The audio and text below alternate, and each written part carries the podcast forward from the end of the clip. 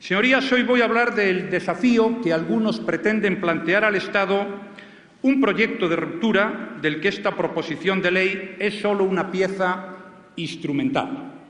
Intervengo para reiterar algo que todos los ciudadanos saben, incluso quienes han defendido hoy aquí esta iniciativa, que no hay democracia sin ley.